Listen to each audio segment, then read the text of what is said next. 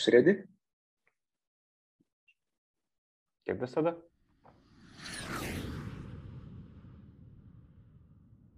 Ok. Sveiki, tinklaudės prisiskraidėm klausytojai, žiūrovai, ištikimieji fanai, sirgaliai ir visi kiti geros valios žmonės. Na ką, su jumis jau šiandien aštuntasis alfa epizodas, tinklaudė ir, ir sveikinamės kaip visada trise. Ir kaip visada, šį kartą trise, su jumis Simonas, Justinas ir Tomas. Sveiki, bičiuliai. Sveiki. Sveiki, gyvi.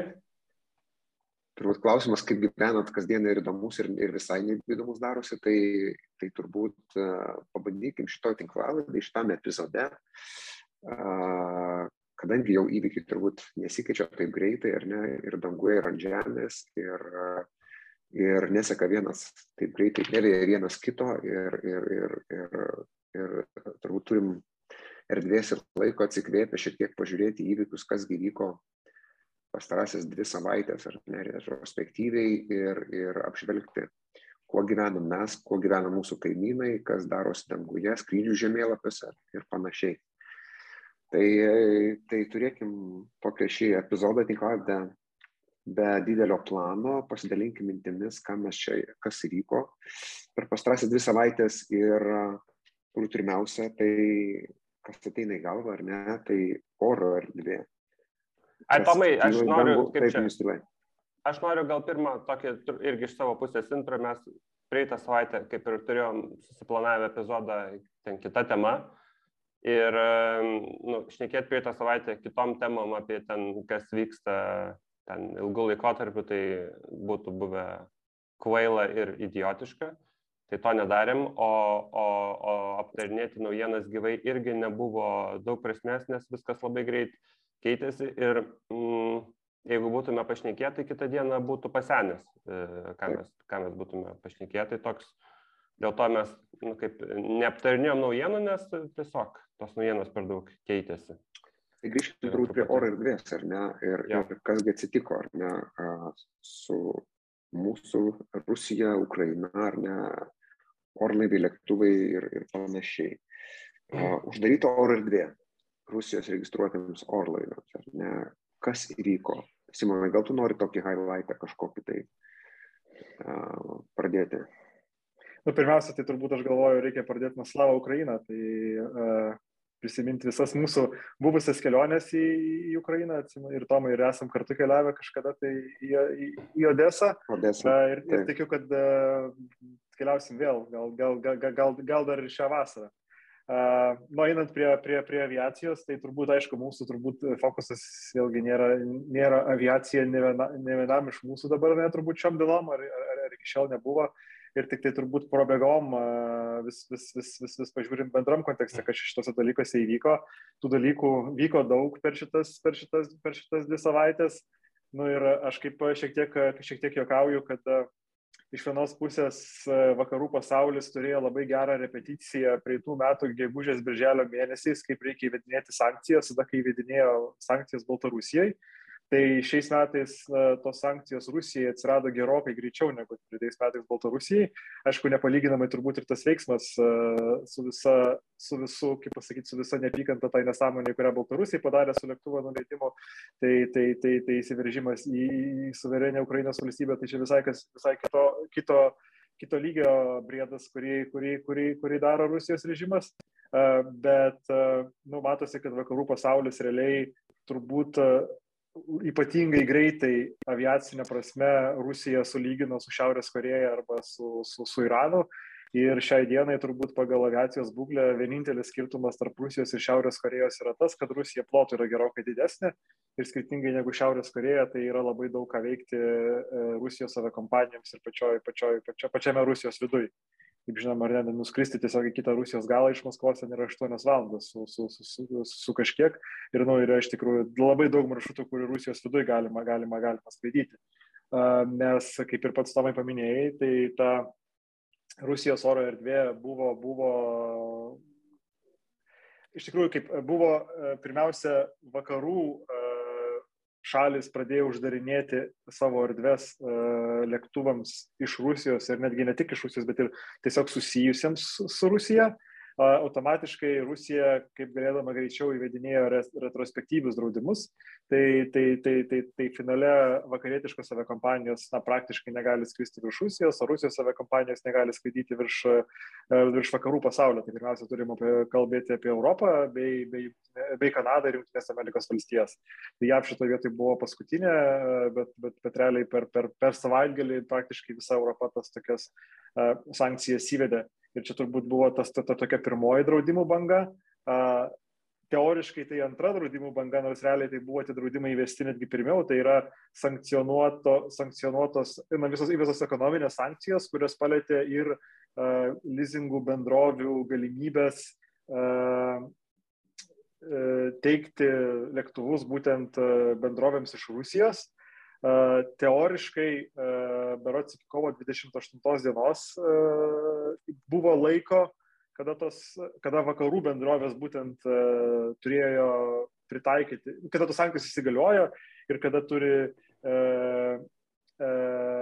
vakarų leasingo bendrovės nebeteikti paslaugų Rusijos bendrovėms ir teoriškai atsimti kito laiko lėktuvus. Faktas, kad leasingo bendrovės tengiasi tą padaryti kuo greičiau ir praktiškai čia per porą dienų prasidėjo ta vadinamoji lėktuvų medžioklė, kai bandė uh, vakarų leasingo bendrovės areštuoti e, Rusijos bendrovėms priklausančius lėktuvus kažkur tai, kažkur tai užsienyje, į ką e, Rusijo e, Rosaviacija, tai lietuviškas turbūt nu, europietiškas CIA atitikmuo, iš pradžių išleido rekomendaciją Rusijos aviakompanijoms nebeskraidyti į, į, į užsienį, dėl to, kad e, yra didelė grėsmė, kad jų lėktuvai bus, bus, bus, bus sulaikyti. Ir tą rekomendaciją pasinaudojo didžioji dalis e, Rusijos aviakompanijų Aeroflot paskelbė, kad neskraidys niekur kitur į užsienį išskyrus į Minską. Ten kitos bendrovės, kai kurios visai nebeskraidys į užsienį, kai kurios ten pasidarė draugiškų valstybių sąrašą, kuriame ten yra Vietnamas, e, ta pati Baltarusija, kai, kai kurios ten dar, dar Junktinius Arabų Emiratus kelias dienas planuoja skraidyti. Bet iš principo čia tokios turbūt yra dvi pagrindinės paklodinės sankcijos, ar ne, kurios, kurios, e, kurios atskyrė e, vakarų pasaulį nuo Rusijos. Taip. Na, o Ukrainos oro erdvė kitos priežastys, ar ne, bet irgi, irgi matom situaciją irgi. Labai įdomiai vyko su, a, ten labai įdomiai su Ukrainos oro erdvės situacija buvo, nes, nu, kaip čia, kaip buvo komunikuojama tiek iš, tiek iš rusų, tiek, tiek iš ukrainiečių, kad karo, karo nebus, karo nebus. Ir nu, čia tiek kariniais veiksmais, bet ir, bet ir bet civilinė aviacija viskas buvo gyvenama, kad to karo nebus. Ir buvo trečiadienis ar ketvirtadienis, e, aš vis, ketvirtadienis turbūt buvo, ketvirtadienis buvo pirma, pirma invazijos diena, pirma karo diena. Ir ketvirtą ryto ukrainiečiai įkelė notamą, kad e, iš Ukrainos skristi yra pavojinga nu, ir neskriskit. Ir ir realiai dar trečiadienį vakare vis, visas, vis, vis, galima į Kievą buvo nuskristi savo ramiai, saugiai, o ketvirtadienį nebebuvo galima skristi iš viso. E, tai ukrainiečiai įkalė notamą, kad negalima virš Ukrainos skristi ir aš nežinau, ten valandos skirtumų rusai irgi įkalė iš savo pusės notamą, kad negalima skristi virš e, Rusijos, nu iš tos dalies, iš kurios buvo puolama Ukraina. Tai visas ten tas e, Volgos e, slėnis, turbūt taip galima būtų pavadinti, nežinau kaip ten rusai jį vadina, e, Soči, nu ir visą tą erdvę uždarė. Iš esmės iš Rusijos į Kaukazą dabar Rusijos teritoriją nuskristi negalima, reikia skristi aplink Kazakstaną. Tai kas iš to, kas iš to gavosi, tai kad rezultate visi ukrainietiški lėktuvai strigo Ukrainoje ir iš visų vakarietiškų kompanijų tai tik tai Uzeiro keturi lėktuvai strigo, daugiau niekas nestrigo. Čia vat Lufthansa ir kiti visai apdairiai pasielgė, kai nutarė naktim nelaikyti lėktuvų mm, Ukrainoje. Na ir aš nežinau, ten, aš nesakiau ten minučių bėgė, kaip jie ten sugebėjo išsiskraidinti savo lėktuvus, bet tikrai nestrigo niekas daugiau. Tai Uzeiras liko su keturiais keturiais lėktuvais. Justinai, kas... Justinai, šitas įdomi tema, atleisk, kad pertraukiau. Tai kaip, ką, ką komunikuoja, kai atstringa tokie lėktuvai, ar gal teko Simai, ar tau, ką sako akcininkai, ką, kas komunikuoja? Ai, žinok, žinok, aš skaičiau vaizdėjų šitus, tai ten, ta prasme, man, aš tai gal tai pasakysiu, kad kartais skaidant korporacijų komunikaciją, tai e, toks jausmas, kad e, arba iš rusų mokosi, arba rusai iš jų. Toksai yra neigimo ir toks svajonių, iliuzijų pasaulyje gyvenimas yra. Vizeiras e, savo komunikacijoje Jo, yra paminėjęs, kad keturi lėktuvai strigo, bet taip e, prabėgančiai. Čia toks mažas dalykas, parašė, kad bazę uždarė, Moldo, Moldovos biooro erdvė irgi už, uždaryta, tai jie perkelė skrydžius Rumunijai į, aš nežinau kaip tarti, rašosi į Jasį miestą, tai tos skrydžius perkelė, į Rumuniją, bet, bet e, nu, paskaičiavo, kad ten skrydžių maršrutų ten kiekis 7 procentais kris ir ir dar paminėjo, jie du, du komunikacijos uh, raundus iki šiol darė, o antras buvo, nu tai kad čia vos ne uh, užsi, apsisaugojo nuo kūro kainų kilimo ir čia, čia svarbiau yra. Tai toksai man keistas, keistas uh, komunikavimas. Ai, dar paminėjo, kad vat, visus, kurie Ukrainoje buvo, tai ras darbą Vizeiro kitose bazėse. Nu, toks, toks uh, skaitai tą ir galvoji, čia jie ar Lavrovas rašė nu, man, man va tokia komunikacija tai yra šlykšti.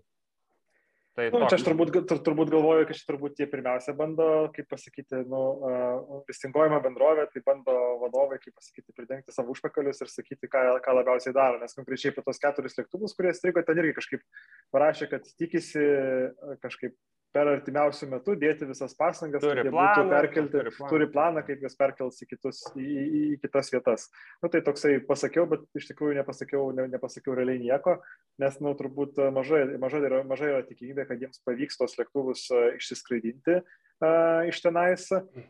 Matyt, spekuliuoju šiek tiek, bet spėliuoju, kad turbūt yra teisinis susirašinėjimas turbūt su, su, su, su draudimo bendrovė. Uh, kaip ten dabar e, traktuoti visą šitą įvykį, nes nutikėtina, kad, kad, kad e, na, Vizeiras įskrido į, į Ukrainą tuo metu, kai dar tų karo veiksmų nebuvo, nes ten tikėtina, kad nu, nakvoja tie lėktuvai. Ja, uh, nes ketvirtą ryto. Jo, tose dviejose, tos, tose dviejose Kievo ir, ir, ir Lvivo oro uostose. Tai, tai kaip ir karo veiksmų nebuvo, tai kaip jie viską teisingai darė, bet, na, turbūt draudimo sutartyse tenais turbūt yra pilna punktų, kad turi dėti visokiausius efforts e, išgelbėti turtą, baigtis atsargiai su turtu ir panašiai. Ir dabar turbūt bus ilga diskusija, e, kaip, kaip tai reikėtų traktuoti. E, dar prisiminkim, kad dar kita tokia istorija, kad iš karto prasidėjus būtent Rusijos invazijai į Ukrainą, kito preventyvaus žingsnio vizai yra ėmėsi Lietuvoje Tai reiškia, kad e, nuo praeito, nuo užpraeito dabar jau ketvirtadienio, vasario 24 ėmė naktimis išvarinėti lėktuvus į Gdanską. Ir šita visa situacija truko kažkur tai gerą savaitę, kai kol, kol jie taip darė, dabar jeigu neklystu, nuo praeitos savaitės ketvirtadienio arba penktadienio to dalyko nebedaro. E, na, įsivertinant ar ne, nu, aišku, dabar čia tokie žodžiai precedento neturintis ir karo, karo fone nu, yra nesąmonė taip sakyti, bet jeigu tai nu, būtų, kaip pasakyti, normalūs laikai, tai čia iš principo nu, pakankamai brangiai kainuojantis ir operacijas labai komplikuojantis žingsnis, kai tu tenais po kiekvieno vakarinio skrydžio tenais naktį varai į Gdanską, turi surasti įgulas, ryte kažkas turi atvaryti tos lėktuvus, ten buvo daug ir vėluojančių skrydžių, kelis ten paskui skrydžius apsuko, kad su ten Milano, Londono bazės lėktuvais įgyvendintų, bet jie kažkur tai savaitę tokios, tokio, tokio, tokio žingsnio ėmėsi ir man atrodo gerą savaitę tai truko, dabar jau taip nebedaro grįžo Vilnius operacijos į, į, į, į normales vėžės ir, ir, ir Vizeiro lėktuvai nakvoja Vilnius oro uoste, kaip ir buvo įprasta, kaip ir kiekvienoje kitoje jų, jų baziai. Bet, na, čia tiesiog turbūt rodo tam tikrus ir ne tai, kad panikos veiksmus, bet, na, nu, čia toks kaip yra labai geras priežodis, reikia kažką daryti. Tai kai, kai, kai, kai ten keturi lėktuvai liko Ukrainoje, tai ten turbūt e, per, per, per, per kelias valandas kažkas ir priėmė tokį sprendimą, kad šitą dabar reikia visus, visus išvarinėti, išvarinėti iš, Vil, iš, iš, iš Vilniaus, kad maža, maža ko, kad čia kažkas irgi nenutiktų. Kiek man teko girdėti iš, iš, iš tam tikrų šaltinių, kad nu, e, čia vienas iš tokių uh, motyvų, kodėl jie to padarė, tai išgirdę apie tą nepaprastąją padėtį Lietuvoje įvestą, tai nelabai suprasdami, kas ten, ką tai, ką tai, ką tai realiai reiškia vat, e, tokį, tokį, tokį, tokį veiksmą, veik, veiksmą ėmė, ėmė ir padarė, bet e, jau berat čia nuo kovo, dabar aš nepamenu tiksliai, bet nu, turbūt nu, ten kovo trečios ar nuo kovo ketvirtos e, viskas grįžo, grįžo, grįžo į savo vėžės. Ar Vizai ir sakė apie šitą kaip nors viešai? Apie šitą jų mane? Ne, tai vis, vis, vis, visiškai, visiškai tyla iš jų, iš, jų, iš jų pusės. Nepaisant to, žinau, mačiau, kad poras skrydžių buvo atšauktų, jau ten jie pirmom dienom jie taip sąžiningai varinėtos lėktuvus, neskaičiuodami turbūt nei kiekvieno euro cento ir kiekvieno ten tūkstančio eurų, bet ten berots 24 nu, prasidėjo, ten 27-28, ten rytinį Paryžių vieną dieną mačiau buvo atšaukę, kitą dieną irgi buvo atšaukę. Man labai įdomu, jeigu yra keliaivių tarp mūsų klausytojų tų reisų, ką jie komunikavo keliaiviam, dėl kokių priežasčių buvo tie skrydžiai atšaukti ir įdomu, ar, ar, ar, ar kompensacijas pagal L26. Na, žinokit, aš sakau, čia, čia Vizeiro komunikacija yra Lavrovo lygio komunikacija. Apsimeta, kad nieko nėra, o jeigu yra, tai e, daro vieną, sako kitą. Nu, žemas lygis yra. Nu, žemas lygis. Tai paaiškinkit, išleiskit update, kur paaiškinsit, paaiškinsit, kokie buvo motyvai, kodėl taip darėt. Draudėjai spaudė. Nu, tai pasakykit, kad draudėjai spaudė. Dabar yra apsimetinėjimas melo karalystė. Ir Vizeiras yra melo karalystė, nebažesnė nei Rusija, jeigu taip daro. Ir jeigu jie nesustos, tai toliau, toliau e, kelias tik žemyn yra. Nes jeigu jie bijotos nepaprastos padėties, kur yra visai ne apie tai, na, sakykime, iš esmės ne apie tai, tai čia, bet anyway, komunikacijos nebuvo ir taškas.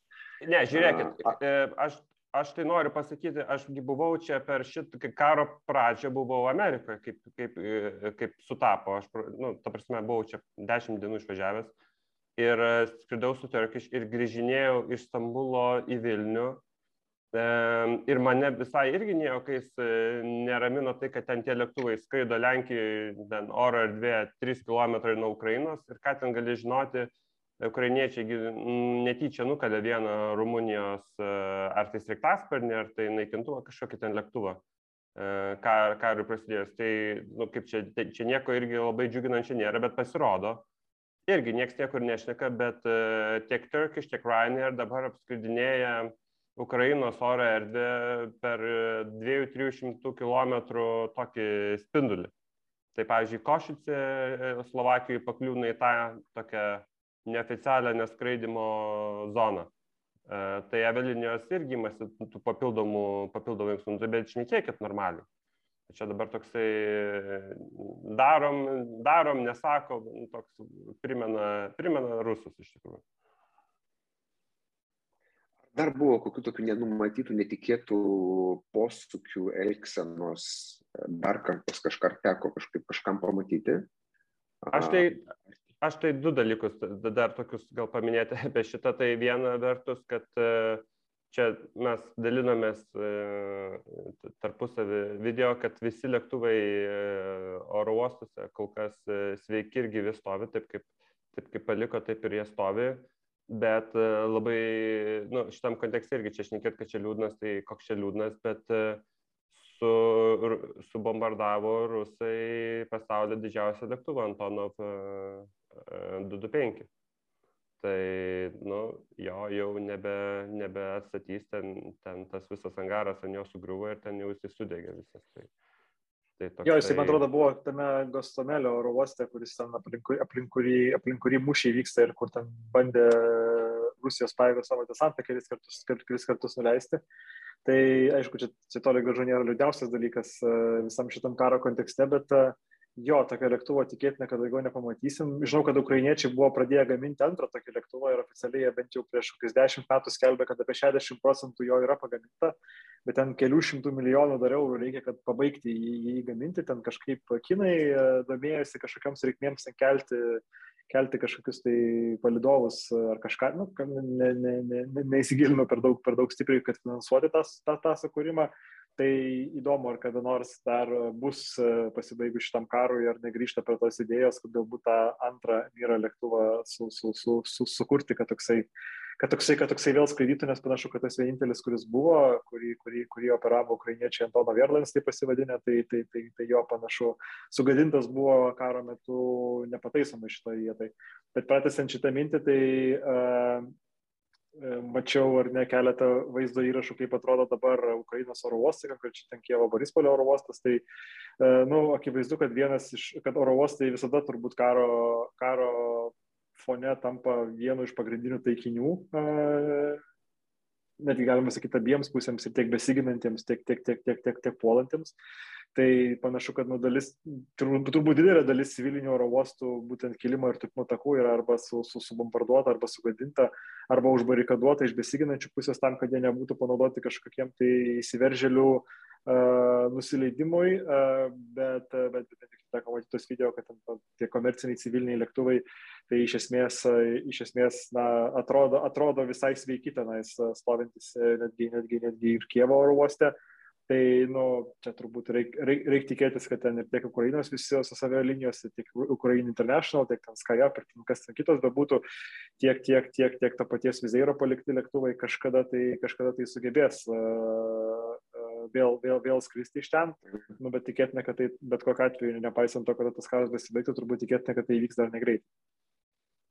Aš kaip prisiminiau dabar, žinai, Ukrainos oro uoste ir kažkoks mintis, kad ten ir taip tupimo kilimo takas nebuvo labai lygus ir toks buvo bampi, nu čia tokia Jonas Jonas link, su, ant, ant, su linksma nata, bet jo iš tikrųjų dabar tokios mielos ir, ir, ir tokios gražios ir, ir stardesės ir, ir lėktuvai ir tapo to mėlynom uniformom ir kažkaip tai norisi skristi dar ir dar dabar bandyti ir kažkaip tai pamatyti, kad viskas vėl yra gerai. Viskas bus gerai, aš tai manau, skrisim dar, tikiuosi, kad šiemet, ne šiemet, tai kitą metą e, ne, nedings, kad ir kaip būtų liūdna nei Rusija, bet kad ir kaip gerai būtų, bet ir Ukraina niekur nedings. Tai, e, aš tik noriu gal kitą dar temą apie tuos lėktuvus, kurie palikti, tai Ukrainoje lėktuvai, tai jie skraidys. Nu, aš mačiau, kad e, tik jų varikliai yra ne, ne, neuždengti, tai ten, tai ten tikrai labai neįnauda lėktuvam. Bet va, kurie lėktuvai, man atrodo, žymiai daugiau nerimo kelia ir kas su jais bus, tai yra Rusija įstrigę, nes Rusija dabar, nu, jie dabar patys diskutuoja labai, ką čia daryti, nes e, kiek ten yra 800 lėktuvų per Rusijos e, visas avialinės, nu, ten va, toksai skaičius yra, kurie e, šiai dienai yra jie dar nėra pavokti Rusijos, e, mm, bet jie nelabai ir turi už ką savo lizingo tų įmokų susimokėti ir, ir toks labai neaiškus statusas yra. E, kaip jau šnekėjom, išskristi į užsienį jie jokį negali, o jeigu išskrenda, tai ten labai greitai, faktiškai bet kuri šalis, įskaitant ir pusiau draugiškas Rusijos šalis, privalo juos, jos, jų, jų nebeišleisti. Yra įdomus dalykas, kad uh, nu gerai, jie dabar čia skraido, bet ateis visi tie, tie uh, BC lygio čekai, kuriuos reikės daryti ir, ir nebegalės daryti. Ir realiai anksčiau ar vėliau tie lėktuvai arba jie mm, turės Rusija, net jeigu Rusija jų, ne, jų negražins, jie turės vis tiek nebeskraidyti. Um, arba jie turės tai daryti labai pavojingų būdų, nes iš esmės nu, turės ignoruoti absoliučiai visus saugumo ten, ten reikalavimus kas, man, aš nežinau, man atrodo, tie lėktuvai anksčiau ar vėliau pradės skristi taip darant. Nu, čia turbūt e, Irano pavyzdys, aš dabar neprisimenu, ar ten Irane daug katastrofų buvo, buvo kažkiek, nes ten jie 40 metų senais lėktuvais skraidydavo. Aišku, uh, turbūt reikia pridėti tai, kad uh, turbūt 70 metais pagamintą lėktuvą uh, lengviau yra su prižiūrėti ir taisyti tom vadinamokiam mechaniniam priemonėm, ten su kirviu, plaktuku ir, ir varštais, negu šio laikinius sofistikuotus kupinus elektronikos ir ten, nu, įsivaizduokim, fly-by-wire sistemą ten kiekvienam airbuse, kuri yra uh, kiek, kiek, kiek, kiek, kiek jinai tenais reikalauja nu, priežiūros ir ten kirvių nelabai su ją, ją, ją, ją, ją paremontuosi. Um, tai, nu, įdomu, kaip čia bus. Uh, iš vienos pusės, tai turbūt aš tikiu, kad didžioji dalis uh, lėktuvų, kuriais toliau Rusijos aviakompanijos skraido, jau yra areštuoti, nes čia turbūt nu, yra jau lėktuvų savininkų dokumentų sutvarkymo klausimas. Jie vis tiek aš nebejoju, kad didžioji dalis yra išsiuntę uh, ten nautisus ir laiškus apie, apie, apie, apie reikalavimą tą lėktuvą kuo greičiau groundinti ir kuo greičiau gražinti ten į kažkokias tai saugias vietas ar, ar, ar, ar, ar, ar kaip tai bebūtų. Kas to nepadarė, turbūt, turbūt dabar tos, tos, tos, tos dalykus daro, bet jau tie pavyzdžiai, kuriuos čia dar girdėjom, kol skraidė Rusijos oro kompanijos į užsienį ten ir bet, bet teko skaityti apie vieną prašytą pavyzdį, kur nu, realiai tai ta medžioklė jau vyko bet kokiu atveju be taisyklių. Ir nors ten, žinau, vienas atvejis buvo, kai reguliarius aerofoto reisas buvo į Kairą ir dar skrydžio metu iš Maskvos į Kairą metu, ne tik, kad buvo užtas tam turtui areštas, išduotas orderis lizingo bendrovė jį gražinti, bet netgi Bermudų CIA, o didžioji dalis Aerofloto vakarietiškų lėktuvų yra registruoti Bermuduose, tas skraido su VP registracija, netgi panaikino jo tą vadinamąjį mm, airworthiness sertifikatą, tai reiškia, paskelbė netinkamų skraidyti bet nepaisant to tenais, nu, jiem ir išskrido iš to Kairo atgal, ten negaliojant nei draudimai, nei ten bet, kokioms, bet kokiems kitiems dalykams. Tai, nu, akivaizdu, kad turbūt nu, šitie veiksmai parodo, kad čia jau vadovavimosi kažkokiomis tai numatytomis ant taisyklėmis, ar tam, kai jau kalba eina apie kažkokias leasingo įmokų mokėjimus, tai manau, kad ten niekas net ne, ne šiuo metu net net nesvarsto tokių dalykų, e, teko matyti ir pačiam LinkedIn ratuose tose pačiuose, kad e, nu, yra Rusijos aviakompanijos atstovų, kurie dabar bando susirasti tiekėjus Kinijoje arba kažkur tai kitose šalyse, kurios tiekėjai galbūt sutiktų tiekti kažkokias tai, kažkokias tai lėktuvų priežiūrai reikalingas, reikalingas detalės ir, ir, ir, ir, ir panašius dalykus. Nu, bet čia kaip. Mačiau komersantą.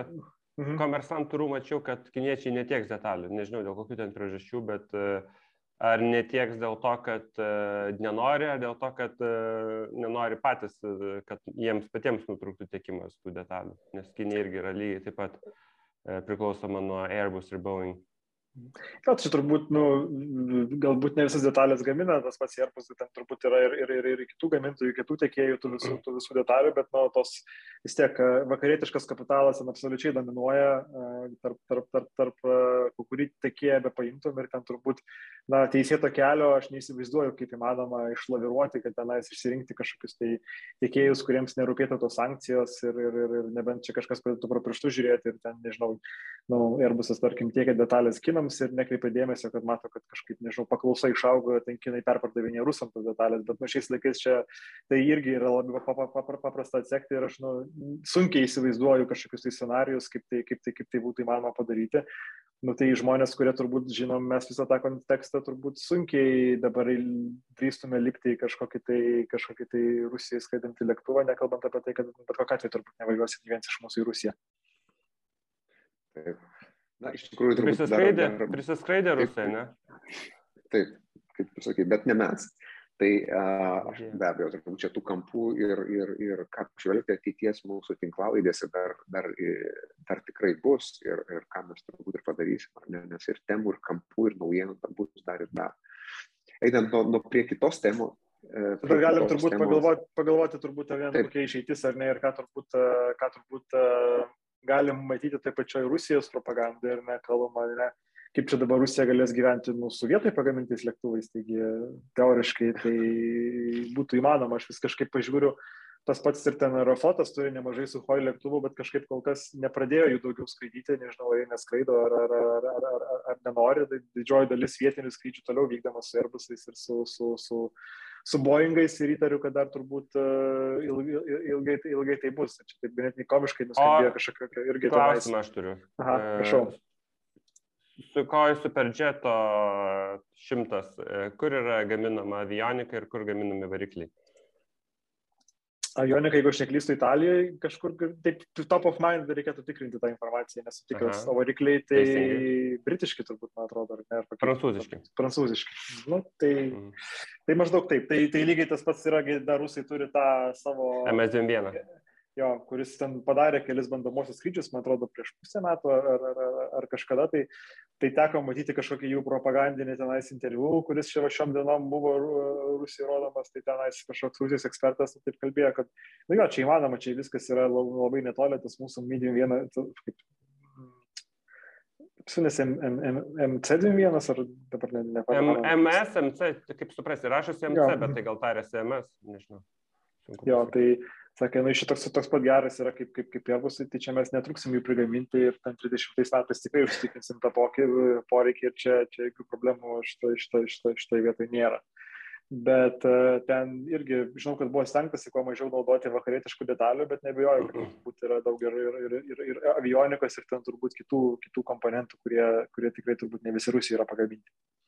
Labai paprastas pavyzdys yra iš kito galo. E, kiniečiai irgi bando, bandė gaminti savo lėktuvus ir visą laiką atsimuša į tą patį, kad Jeigu pasidarai savo, savo lėktuvą, kur, kurių gaminsi ten šimtą ar du šimtus, tavo capexas, e, tavo kapitalo investicijos į ten tą e, išradimus gaunasi tokios brangios, o kiniečiai lygiai taip pat kaip rusai nesugebėjo, ta prasme, lėktuvų skraidimo visas reikalas veikia tik tai tada, kai tu gaminėsi ne tik tai savo, bet ir likusiam pasauliu aš kaip čia, e, jeigu kiniečiai nesugebėjo niekaip padaryti lėktuvo, kurį galėtų, ta prasme, kiniečiai turėjo prasisertifikuoti savo tą komeką, ar kaip jis vadinasi, komeką, ne? Taip.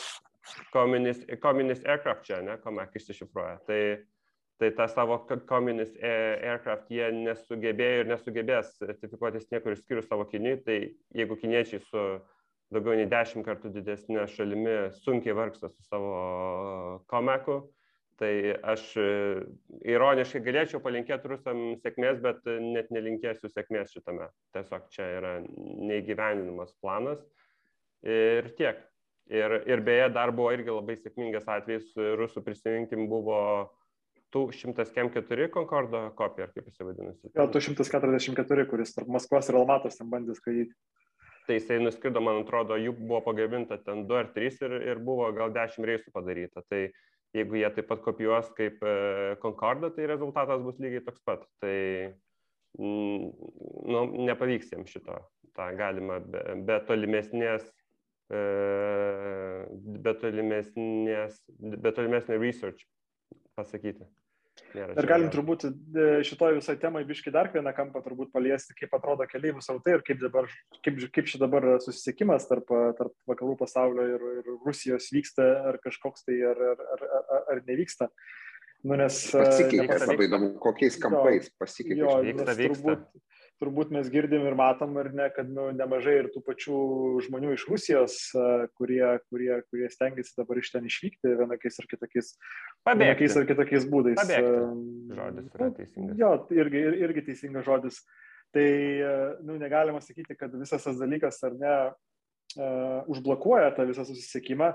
Aišku, čia turbūt pirmas momentas, kurį norėčiau paminėti šitoje vietoje, Taip būna visada, visais sukretimais, čia nėra nieko kažko labai labai stipriai neįprasta, bet uh, aviacija visada tampa to pirmoji taikiniu, nes yra labiausiai matomas taikinys, ką viską reikia užblokuoti. Bet, nu, matėm turbūt ir socialiniuose tinkluose vaikščiai priskynę, kaip ten traukinys tebe važiuoja iš uh, Sankt Peterburgo į Helsinkį. Uh, Tai galite pažiūrėti, kad Lux Express autobusas važiuoja iš Sankt Peterburgo į Taliną ir galite bilietą nusipirkti iš Sankt Peterburgo į Vilnių, jeigu norite su to pačiu Lux Expressu. Lygiai taip pat, berots, ten keliolika autobusų per dieną važiuoja iš, iš Vilniaus į Minską, tai tas yra vienas dalykas, aišku, visas antžeminis susisiekimas, kuris, kuris, kuris, kuris tebėra likęs. Bet kadangi Traukiniai, tokia... Peterburgas, Helsinkis du kart dienoje važiuoja, pilni dabar. Jo, jo, tai, bet kadangi mūsų podcastas apie, apie, apie lėktuvus, tai nu, turbūt skirtingai negu gali kažkas, kažkam pasirodyti, tai susisiekimas tarp e, vakarų pasaulio ir Rusijos tai per vieną dieną ėmė ir ne, nenutrūko, kad užblokavai Aeroflotą ir nei viena Europos kompanija nebeskrenda į Rusiją, tai čia nu, dalis tik tai yra istorijos, bet yra aviakompanijos, kurios jungia tuos, tuos vadinkim taip dabar du atsiskyrusius pasaulius. Ir tas susiekimas toliau, turbūt toliau vyksta eilinį kartą čia turbūt daugiausia, kas iš to pasipelnys, tai yra Turkish Airlines, uh, nu, kaip numeris vienas, bet ir turbūt visos kitos Turkijos kompanijos, nes jie ne vieninteliai ten skraido, ten visokie ir uh, mačiau, mačiau, mačiau ir tas pats Pegasus, ten ir, ir, irgi skraido tarp, tarp, tarp Turkijos uh, Rusijos, ir čia turbūt nu, nėra naujiena, žinom, kad Turkish Airlines visada tenais, iki paskutinio momento skraido tenais, jie ir, ir į Afganistaną tenais skrido į Kabulą, kai ten jau... Vieną skrydį praleido, vieną skrydį per visą... Ja. Dabar aš galvoju, koks prieš tai buvo konfliktas kažkoks irgi didelis, kur, kur, kur, kur jie irgi į ten, kai nieks jau nebeskrido, Turkish Airlines toliau skrido. Uh, ir dabar jie skraido turbūt e, netgi dar daugiau negu anksčiau skraidydavo, nes, e, nes, nes, nes vien šiandien vyksta penki skrydžiai į dieną tarp Stambulo ir, ir Maskvos, dar ten keliai į Peterburgą ir į Kazanę, man atrodo, tą pačią. E, ir tie penki skrydžiai iš, iš, iš, iš, iš, iš Stambulo į Maskvą vyksta vien tik tai su whitebody lėktuvais, 4, 777 ir vienas, vienas, vienas A330 Beje, jų pasirinktas kelias eina kaip tik virš Lietuvos, ten jie apskridinėja per, per, per Europą, per Lietuvą, per Latviją, paskui, paskui, paskui skrenda į Maskvą. Tai ir, ir kiek teko bent jau rezervacijų sistemose žiūrėti, kad nu, jų, jų, jų uh, biletai daugelį reisų būna visai išparduoti, uh, pilnai išparduoti arba tenais likęs, likęs, likęs vienas kitas, tai kas labai nori, turbūt gali, gali susirasti, bet nu, yra, kaip nus, yra kaip nuskristi. Uh, E, turbūt kitas, kiti tokie, jeigu Turkish Airlines tokie jau į, ne pirmą kartą matomi kaip tokie jungėjai, bet ko prisiminkime ir Baltarusijos atveju buvo tas pats, kai, kai, realiai, kai realiai ar ne čia pabėgėlius autobusus tai blokavo, tai tada jau vis tiek Turkish Airlines buvo tie, kurie, kurie toliau skaidino, e, kurie čia turbūt toksai netikėtai iššokę dar yra tokie ir Serbija kurie, kurie savo vienintelį turimą whitebody A330 dabar varinėja tarp Belgrado ir Maskvos. Uh, tai Serbija nėra uždariusi savo oro erdvės e, Rusijos lėktuvams. Tas jų neuždarimas neturi jokios praktinės reikšmės, nes nėra kaip rusams daskristi iki Serbijos, nes jos aplinkinės oro erdvės yra uždarytas. Tačiau to draudimo nebuvimas reiškia, kad nėra ir atsakomosios reakcijos iš Rusijos, tai Serbijos aviakompanija gali drąsiai skraidyti į Maskvą. Tai, tai, tai, tai spėjau irgi turbūt nemažai žmonių, e, kam, kam, kam, kam, kam reikia, gali atrasti per Belgradą savo, savo, savo, savo išvykimą. Na, jeigu žiūrėsim į Europą, tai yra turbūt ir kitos garsus brandai, tai patys Emirates Dubajų, ten Bahreino avialinijos, Kataro, Etihadas, ne, netikrinau, bet turbūt tenais ir Kinijos aviakompanijos toliau, toliau, toliau skraido į, į, į, į Rusiją ir, na, jeigu nori... Nes tai neskraido dėl to, kad dėl to, kad Kinė pati neįsileidžia iš niekur e, žmonių, tai čia dėl, dėl kitos priežasties. Jo, bet ja. turbūt, nu, jeigu jau nu, dabar yra toks dalykas, kad ar ne, jau skrendi turbūt tik tai, jeigu labai reikia, tai netgi ten turbūt iš Maskvos į Londoną skristi per Dubajų visai yra nu, normalu, turbūt, turbūt, turbūt šiom dienom. Tai negalima sakyti, kad nu, tų galimybių, kaip nuskristi, nėra, jų yra žmonėms, kurie, kurie, kurie turi pinigų ir labai nori, tai, tai čia, čia ne, nepadaro kažkokio didesnio poveikio, kad, kad, kad to susisiekimo jau taip visai nėra. Muskampas. Nu, ir, Na, galėtume... ir dar su Kaliningradu tas susisiekimas, jeigu dar vieną temą paliečiant, tai um, susisiekimas su Kaliningradu irgi išliko, uh, nors čia visi aplinkui Kaliningradą uždarė oro erdvę. Bet, bet paaiškėjo, kad oro erdvė, nu, kai uždaro, pavyzdžiui, Lietuva, Latvija ir, ir, ir, ir ypač Estija, tai uždaro virš savo teritorijų 12 mylių į vandenį o savo ruoštų Suomija irgi uždarė savo oro erdvę 12 mylių į, į vandenį, bet, e, bet Suomijos e, ta įlanka, ar kaip jinai vadinasi, kuri tarp, e, tarp Talino ir Helsinkio, tai yra šiek tiek platesnė, tai rusai gali skraidyti tokiu dideliu ratu pro, pro tą įlanką ir jie gali išlaikyti susitikimą tarp Karaliaučiaus ir Maskvos, Peterburgo. Teko matyti gal radarė, flight radarė, ar, ar vyksta? Jo, pilna, pilna, pilna. pilna. E, skrydžiai, keliasdešimt, tarp... keliasdešimt skrydžių per dieną vyksta tarp Maskvos ir, ir, ir, ir, ir Kaliningrado, ir. Peterburgo, čia Lebinskus visokius irgi tenais, vienas kitas skrydis per savaitę įvyksta. Tų skrydžių yra daug, nes e, čia jau kurį laiką, gal kai dešimt metų, kaip Rusija dotuoja skrydžius į Kaliningradą, tai, tai, tai, tai nemažai vežėjų nori tenai skristi. Na, nu, aišku, natūralu, kad, kad ir šiaip mūsų susisiekimas turbūt nu, yra reikalingas, jeigu tu Kaliningradą gyveni ten pusę milijono gyventojų, jeigu neklystu gyvena nu, visam mieste, bet, milijonas. E, tai, tai, tai, tai jiems čia toksai vienintelis susisiekimas anklavo aparto, aparto traukinio tranzitinio su, su, su, su žemyninė Rusijos dalis. Kurio nebė, ar, arba jo nebėra, arba jo yra labai mažai, jo yra žymiai mažiau negu kai Lietuva stojo Europos Sąjungą. Ta prasme, kad tie lėktuvai dalimi atsirado ir dėl to, kad pakeitė traukinius apskritai pasaulį e, kur ilgesniais atstumais traukinius, nu dabar ir į Vladivostoką iš Maskvos daugiau žmonių skrenda, nei važiuoja traukiniu, kažkada buvo atvirkščiai. Nu, tai, jo, bet turbūt nepaisant... vėl grįž čia nepaisant to, kad nu, tas traukinys toks kaip būtų, bet aš nežinau, turbūt parą važiuoja iš Kaliningrado į nu, šiais laikais jau parom traukiniais niekas nelabai nori, nu, niekas ja. nelabai nori uh, važinėti, tai turbūt tas, tas, tas, tas dalykas čia, čia, čia, čia nu, yra kaip yra. Žiūrėkit, e, ką be galvotumėt, kaip be būtų, kitoj, kitam paraleliniam pasaulyje E, aviakompanijos ir žmonės bando gyventi ir komunikuoti, kad gyvenimas vyksta. Kai kas atidarinė naujas kryptis ir skelbia apie naujas kryptis atidarimą net iš Lietuvos, ar ne? Čia toli nereikia besti ir ne, ir, ir ką, ką Rainier paskelbė, ne, kad štai net iš, iš, iš Vilniaus ir iš Kauno yra dvi naujos kryptis. Ne? Vilnius Danskas ir Kaunas Varšuvos Marlino uostas. kaip čia, kas čia, kas čia, ką, ką, ką reikia galvoti, Simonai, apie tai. Tiesiog optimizmo gūsis ar, ar Rainiero įprastinis elgesys. Tai čia turbūt, čia turbūt tiesiog yra paprastas elementarus pavyzdys, ar ne, kad karas karu, bet gyvenimas niekur nesustoja. Nu, mes visi toliau planuojam atostogas, planuojam savo keliones, taip ir, taip ir žmonės visoje Europoje tą, tą, tą, tą daro, visi laisvi europiečiai panašiai tą daro. Tai, tai lygiai taip pat kompanijas irgi panašiai, panašiai, panašiai reaguoja.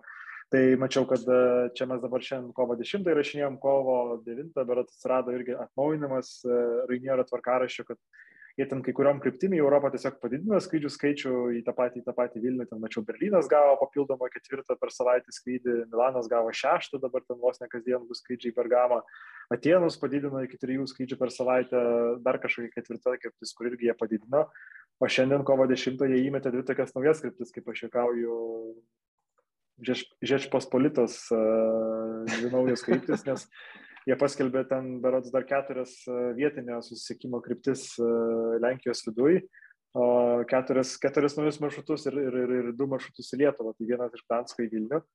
Iš Dansko į Vilnių yra skraidęs Vizeiras, praskraidė 14 mėnesių, dar šiandien patikrinau tą informaciją ir, ir, ir, ir uždarė jiems savo laiku nepaėjo, jie nu, 18 metais iš esmės, iš esmės, iš esmės paskraidė. O antras maršrutas, bet aš nu, kažkaip Vilnius Danskas, nu, čia galbūt kažkiek yra ir wishful thinking, bet uh, nu, noriu tikėti, kad uh, anksčiau ar vėliau atsiras paklausa ir žmonės įpras skraidyti toje pačioje rytų Europos viduje.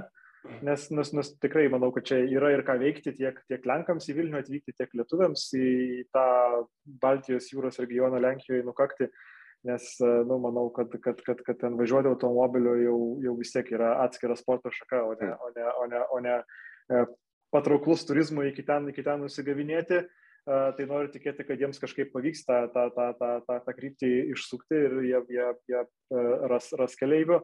Iš Kauno į Varšuvos modelį, čia nu, didesnis būčiau tikrai skeptikas, nes čia jie du kartus per savaitę uh, skraidys, man atrodo, kad nu, kam pigiai reikia, tai autobusų turbūt pilna yra tarp, tarp, tarp, tarp, tarp tų miestų ir gali rinktis, kada nori važiuoti. Atstumas nėra toksai, toksai, toksai e, e, didelis ar ne ir ilgas. Ypač iš Kauno, ypač iš Kauno, jo, kur dar greitkelis yra labai, labai didelis gabalas. Ypač, ypač, ypač, ypač iš Kauno skraido į dar tą oro uostą, kuris tenais e, nu, netoks patogus kaip Varšuvo Šopeno oro uostas. Nežinau, ar kažkiek jų logikoje turėjo čia, kad užbėgti už akių liotui, nes prisiminkim, kad iki pandemijos liotas skraidė iš Varšuvos į Kauną kasdien praktiškai. Uh, jungimus siūlydamas, siūlydamas per Varšuvą, jie po pandemijos kažkaip su skrydžiais ne, ne, ne, negrįžo ir tų skrydžių pardavimuose vis dar, vis dar, vis dar nėra.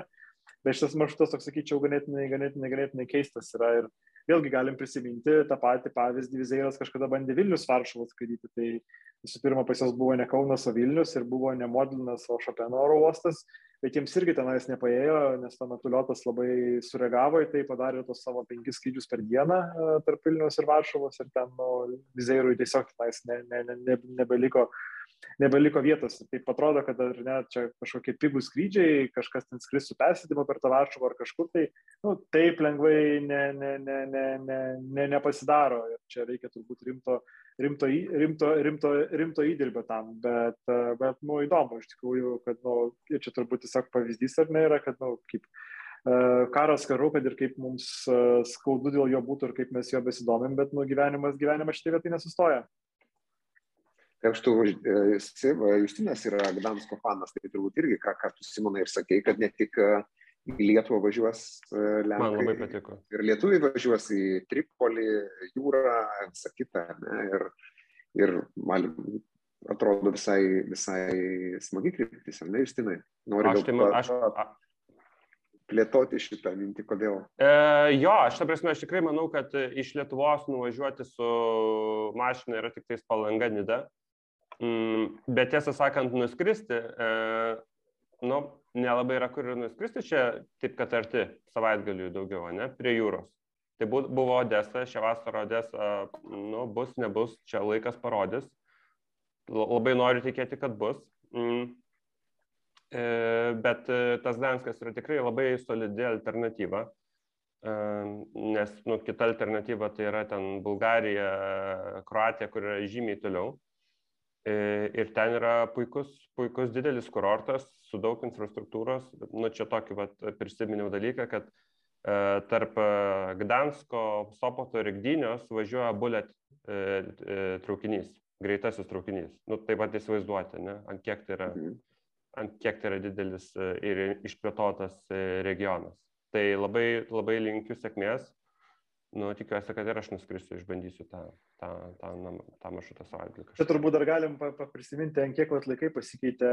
Būdavo tokie laikai, kai, kai, kai, kai Rusija atrodė visai normali šalis ir dar būdavo, e, žinau, žmonių žmonės važiuodavo ten iš Klaipados ir ten Žemaitijos per Kaliningradą galėdavo į Gdanską nuvažiuoti ir ten nu, nėra taip toli, jeigu taip žiūrėti e, grinai, grinai, grinai, grinai žemėlapį ir, ir tokia tikrai įdomi kelionė gali gautis, bet, bet, bet laikai tikrai, tikrai, tikrai stipriai pasikeitė ir, ir, ir sunku tikėtis, kad čia nu, greitų laikų Rusija vėl taps normali valstybė. Jo. Kokia bus Rusija po, po metų ar po penkių yra turbūt pats e, toks e, didžiausias e, range'as variantų, kokie jinai gali būti. Tai čia jau.